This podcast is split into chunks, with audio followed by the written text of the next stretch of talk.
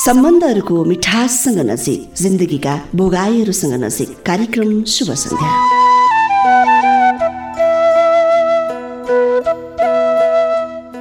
यो साँझ प्रेरणा हो नयाँ उज्यालोको। निष्पट्ट कालो निराशापछि आउने सफल दिनहरूको। गुरु हो प्राकृतिक नियमको जसले पढाउँछ जिन्दगीको पाठ। र यो साँझ प्रेम हो ती सम्बन्धहरू बिचको। जो कहीँ कतै छोडिएका छन्। एक तह अविश्वासका धुलोहरूभित्र र जब हटाइन्छन् ती धुलोहरू तब चम्किनेछ जिन्दगी। सफलता उत्साह र आत्मविश्वास साथ लिएर साथ लिएर।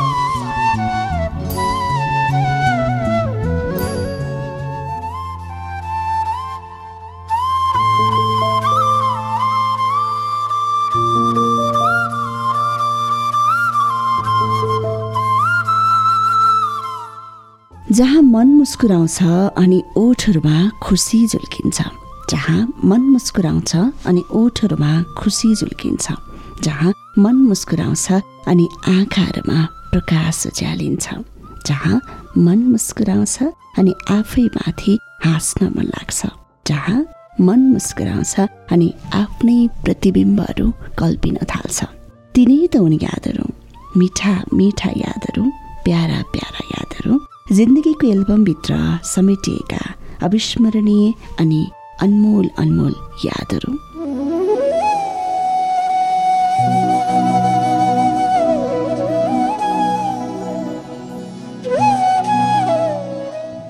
शुभ सन्ध्या श्रोता। यो कालिम्चोकी फिल्म एक सय छ दशमलव चार मेगा हर्स कालिम्चोकी फिल्ममा तपाईँ सुन्दै हुनुहुन्छ। कार्यक्रम शुभ सन्ध्या। शुभ सन्ध्याको साथमा प्राविधिक मित्र प्रहलाद अनि कार्यक्रम प्रस्तुतामा सृजना र मेरा साथमा तपाईँकै मिठा मिठा प्यारा प्यारा अनि अनमोल अनमोल यादहरूका केही अंशहरू।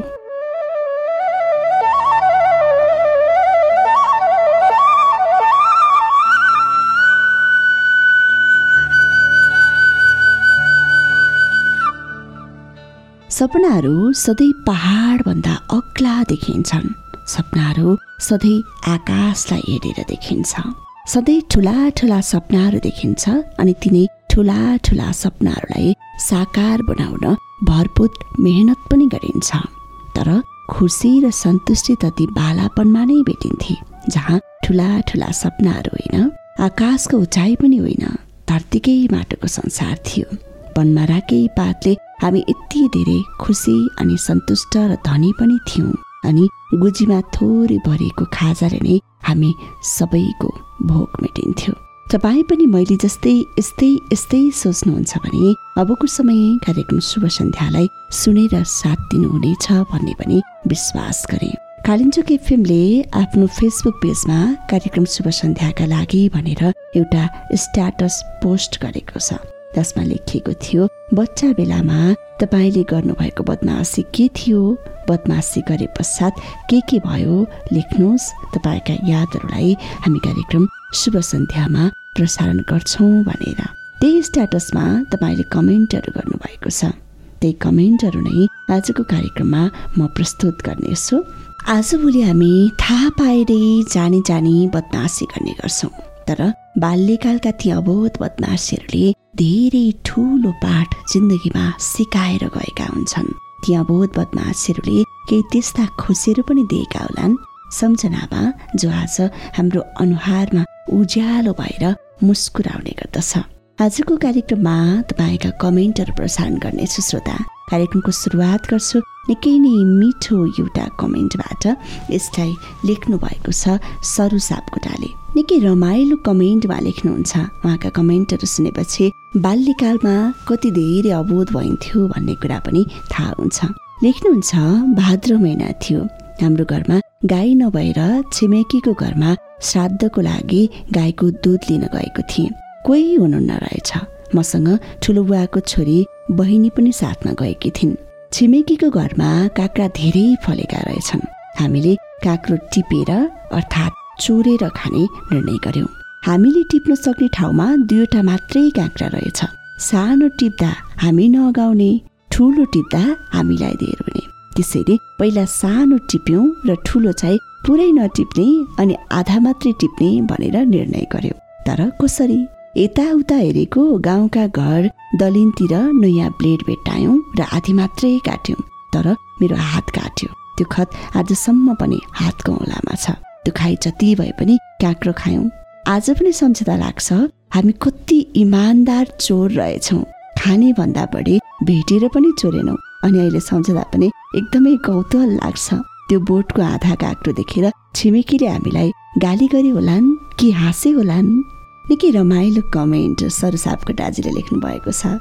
आधा मात्रै काँक्रो चोरेर खाएका कुरा अनि आफू जति अगाउने त्यति मात्रै टिपेका कुराहरूलाई उहाँले कार्यक्रमका लागि भनेर कमेन्टमा लेख्नु भएको छ।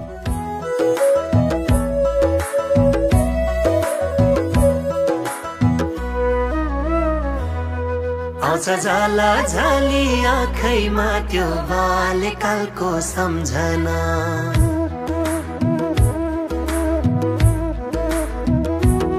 आउँछ जाला झाली आँखैमा त्यो बाल्यकालको सम्झना। आउँछ जाला झाली आँखैमा त्यो बाल्यकालको सम्झना। आउँछ जाला झाली आँखैमा त्यो बाल्यकालको सम्झना। बाल्यकालको सम्झना कसलाई आउँदैन र? सानो सानो बदमासी कसले गर्दैन र? ओ बाल्यकालको सम्झना कसलाई आउँदैन र? सानो सानो बदमासी कसले गर्दैन र?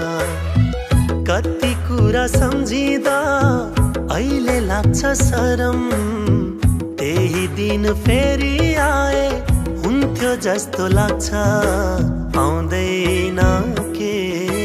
गरम। आउँछ झला झली आँखैमा त्यो बाल्यकालको सम्झना।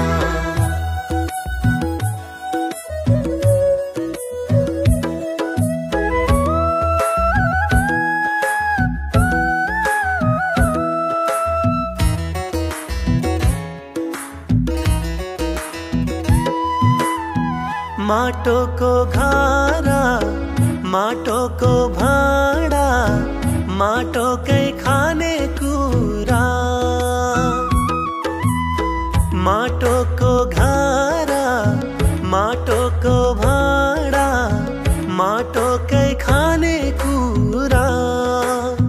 माटोमै भाग लाइन्थ्यो खाए झै गरिन्थ्यो अघाइन्थ्यो पुरा पुरा। आउँछ झला झली आँखैमा त्यो बाल्यकालको सम्झना।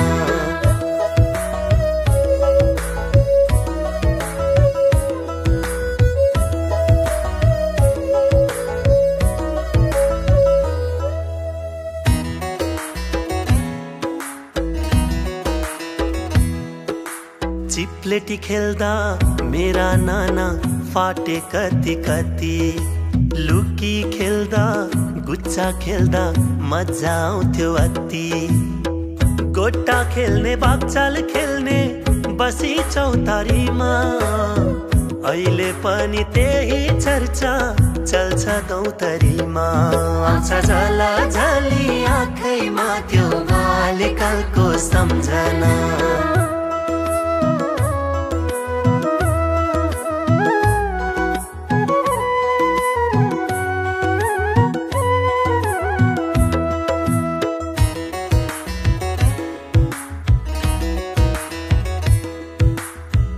पढ्न भन्दा खेल्नतिर रुचि हुन्थ्यो बढी। कैयौँ चोटि खाइयो बरै सर र छडी। कान्छमा एक खुट्टाले स्कुल चक्कर लाइयो राम्रो काम गर्दा कहिले स्याबासी नि पाइयो।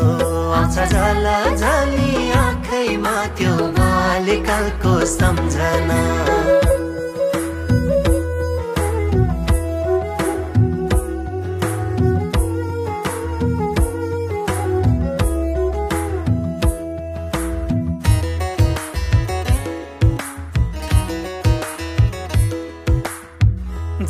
देखिन्थ्यो त्यही बोलिन्थ्यो जे सोचिन्थ्यो त्यही गरिन्थ्यो जे देखिन्थ्यो त्यही बोलिन्थ्यो जे सोचिन्थ्यो त्यही गरिन्थ्यो।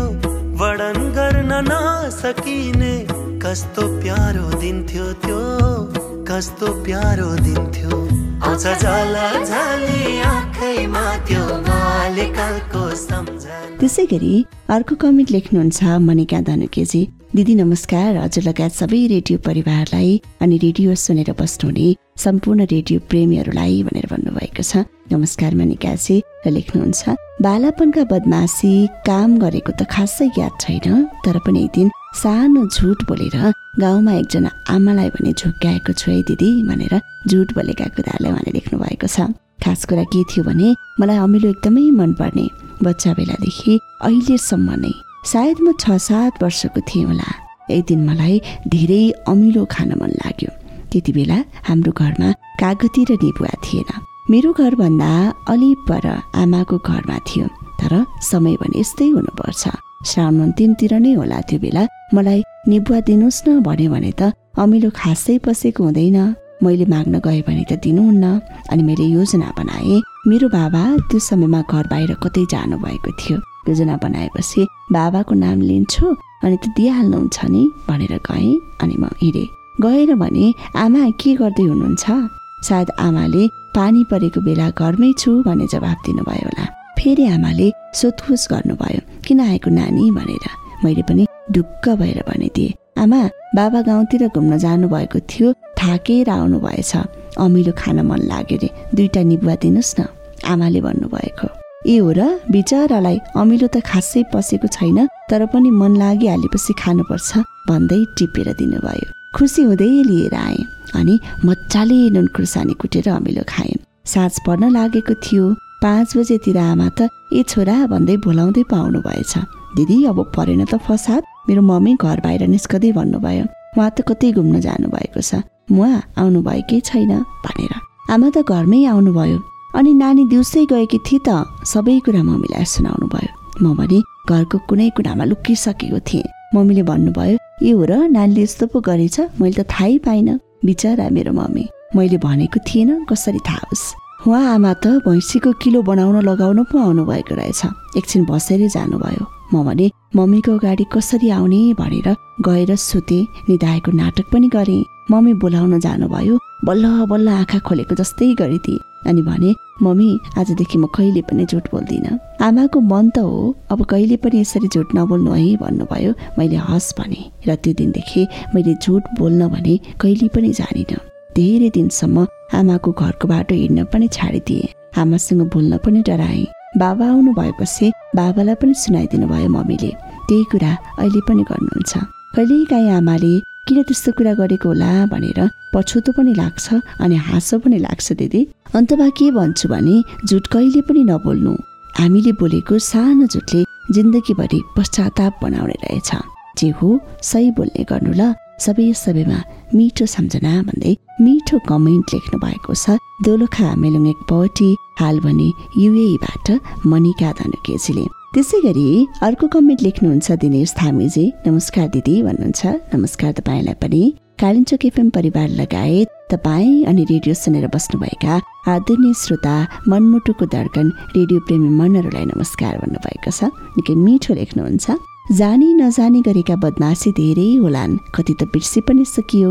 तर यो कार्यक्रमकै लागि पोस्ट गरेको स्ट्याटसले एउटा खुबै रमाइलो अनि चाखलाग्दो घटनाको याद गरायो भन्नुहुन्छ। तपाईँलाई धन्य छ है त्यो याद दिलाइदिनु भएकोमा पनि भन्नुभएको छ। अनि कुरा त्यस्तै बाह्र पन्ध्र वर्ष हुँदाको होला। ठ्याक्कै मिति त थाहा भएन।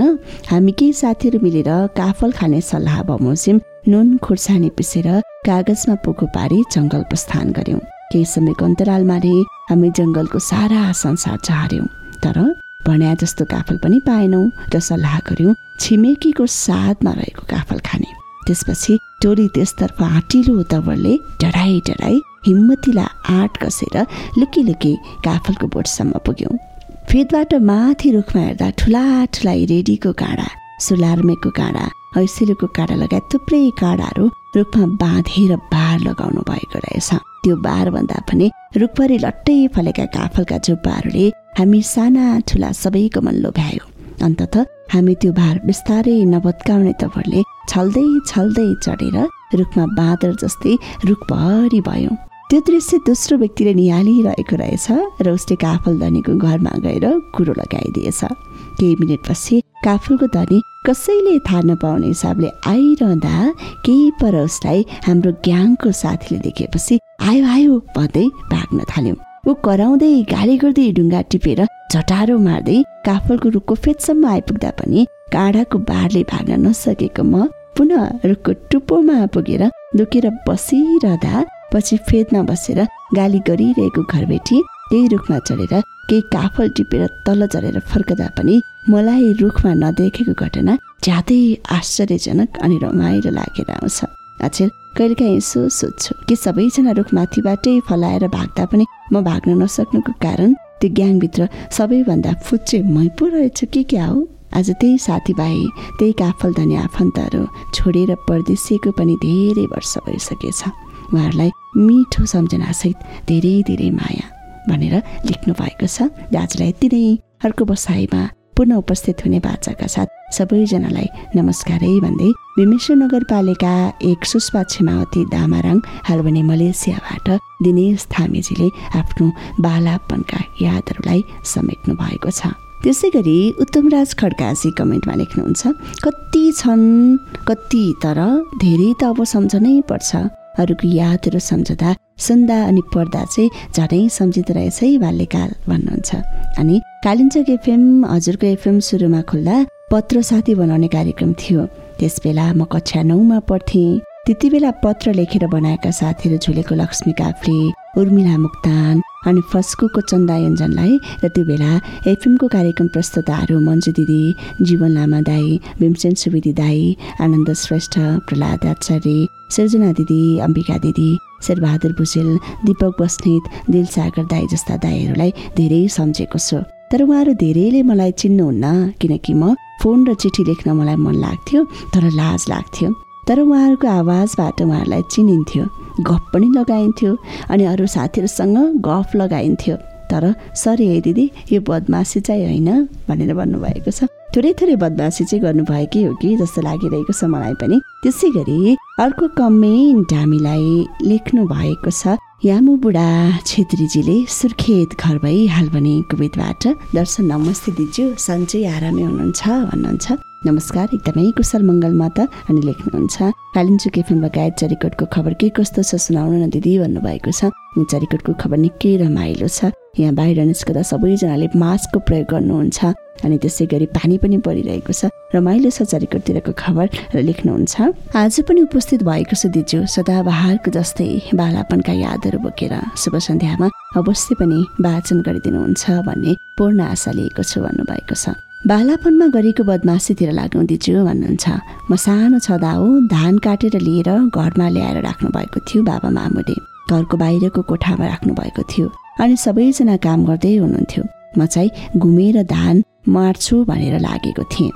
अब अरूले गोरु घुमाएको देख्दा त्यस्तै गरेपछि माडिन्छ भन्ने सोच भएर होला है दिजु घुमिराखेको। घुम्दा घुम्दा चक्कर लागेछ।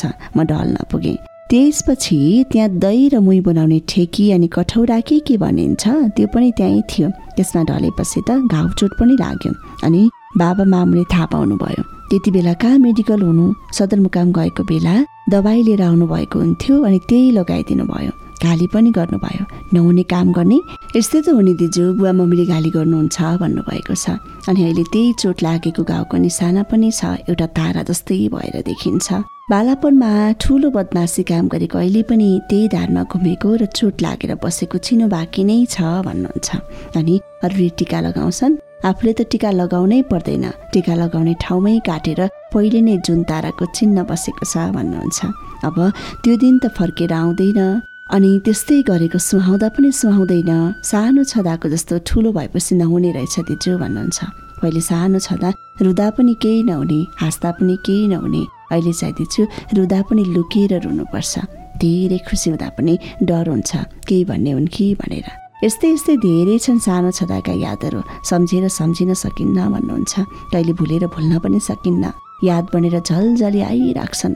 आजको बसाइमा यति नै दिजु। फेरि आउँदो बसाइमा यही यस्तै बालापनका यादहरूको सन्देश लिएर उपस्थित हुने बाचा गर्दै मेरो मुटुको भूमिका गेसीलाई मिठो सम्झना छ भन्दै छुट्टिन्छ है दिदी भनेर उहाँले कमेन्ट लेख्नु भएको छ। निकै रमाइलो कमेन्ट उहाँले पनि लेख्नु भएको छ।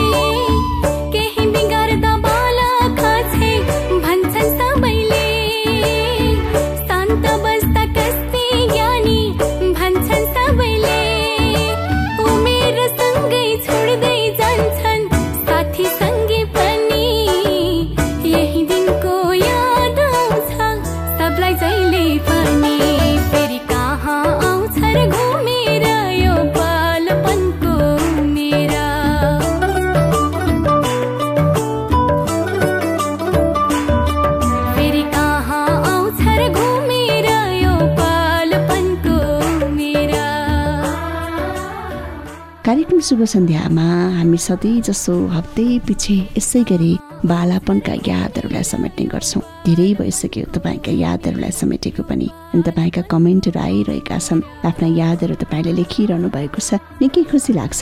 कार्यक्रम कस्तो लाग्छ भनेर भन्न नबिर्सनु होला है। मनपर्छ भने मनपर्छ भन्न नबिर्सनु होला मन पर्दैन भने सुधार गर्नुपर्ने कुराहरूलाई लेख्न नबिर्सनु होला। म पनि अर्को एउटा कमेन्टतर्फ लाग्छु। रोशन शिवाकोटीजी लेख्नुहुन्छ स्कुलबाट भागेर कहिले कता कहिले कता गइन्थ्यो? मलाई त पश्चाताप होइन दिदी रमाइलो लाग्छ भनेर उहाँले लेख्नु भएको छ। वास्तवमै बालापनका यादहरूले रमाइलो नै गराउँछन् धेरै जसो पश्चाताप होइन। सम्झिएर अहिले पनि आँसु छन् आफूले गरेका बदमासीहरू तर कहिले पनि आफूले गरेका बदमासीहरूप्रति पश्चाताप भने लाग्दैन होला जस्तै लाग्छ मलाई पनि। त्यसै गरी रेनिसा भारद्वाज थपली आजी लेख्नुहुन्छ घरमा धेरै काम हुँदा पनि गाउँ डुल्न जान्थे म त। काम देखाउन राति फर्किँदा जिग्रा बोकेर आउँथे। त्यो पल आमा बाको साथमा बिताउन पाएको भए अहिले टाढा हुँदा यति धेरै याद आउने थिएन होला दिदी भनेर अलिकति उहाँले दुखेसो पोख्दै कमेन्ट लेख्नु भएको छ। आजलाई भने श्रोता शुभ सन्ध्याको समय लगभग लगभग सकिन लागिसकेको छ। तपाईँका कमेन्टहरू कार्यक्रममा प्रसारण गरिसकेपछि अब भने मैले विदा लिने बेला भइसकेको छ। आगामी दिनहरूमा पनि तपाईँका यस्तै कमेन्टहरू अनि तपाईँका यस्तै यादहरूलाई प्रसारण गर्दै जानेछु। कमेन्ट गरिदिनु हुने तपाईँ सम्पूर्णलाई विशेष विशेष धन्यवाद।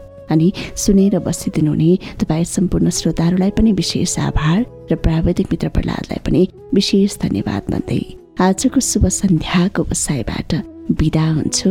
नमस्कार।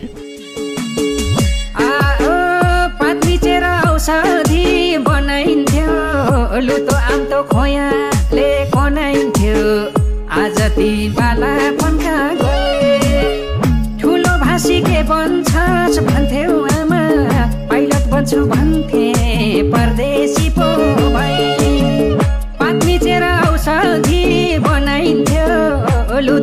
लुतो आम्तो खोया ले कनाइन्थ्यो आज ती पाला पन्खा गए। ठुलो भाषी के बन्छस् भन्थ्यौ आमा। पाइलट बन्छु भन्थे परदेशी पो भए। ठुलो भाषी के बन्छस् भन्थ्यौ आमा। पाइलट बन्छु भन्थे परदेशी पो भए।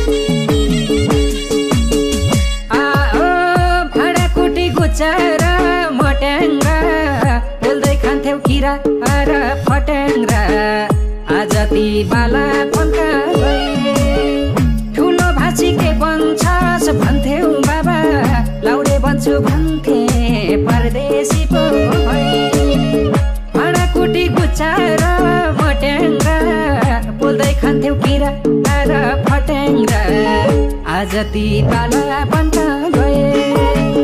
ठुलो बासी के बन्छस् भन्थ्यौ बाबा आर्मी बन्छु भन्थे परदेशी पो भए। ठुलो भाषी के बन्छस् भन्थ्यौ बाबा आर्मी बन्छु भन्थे परदेशी पो भए।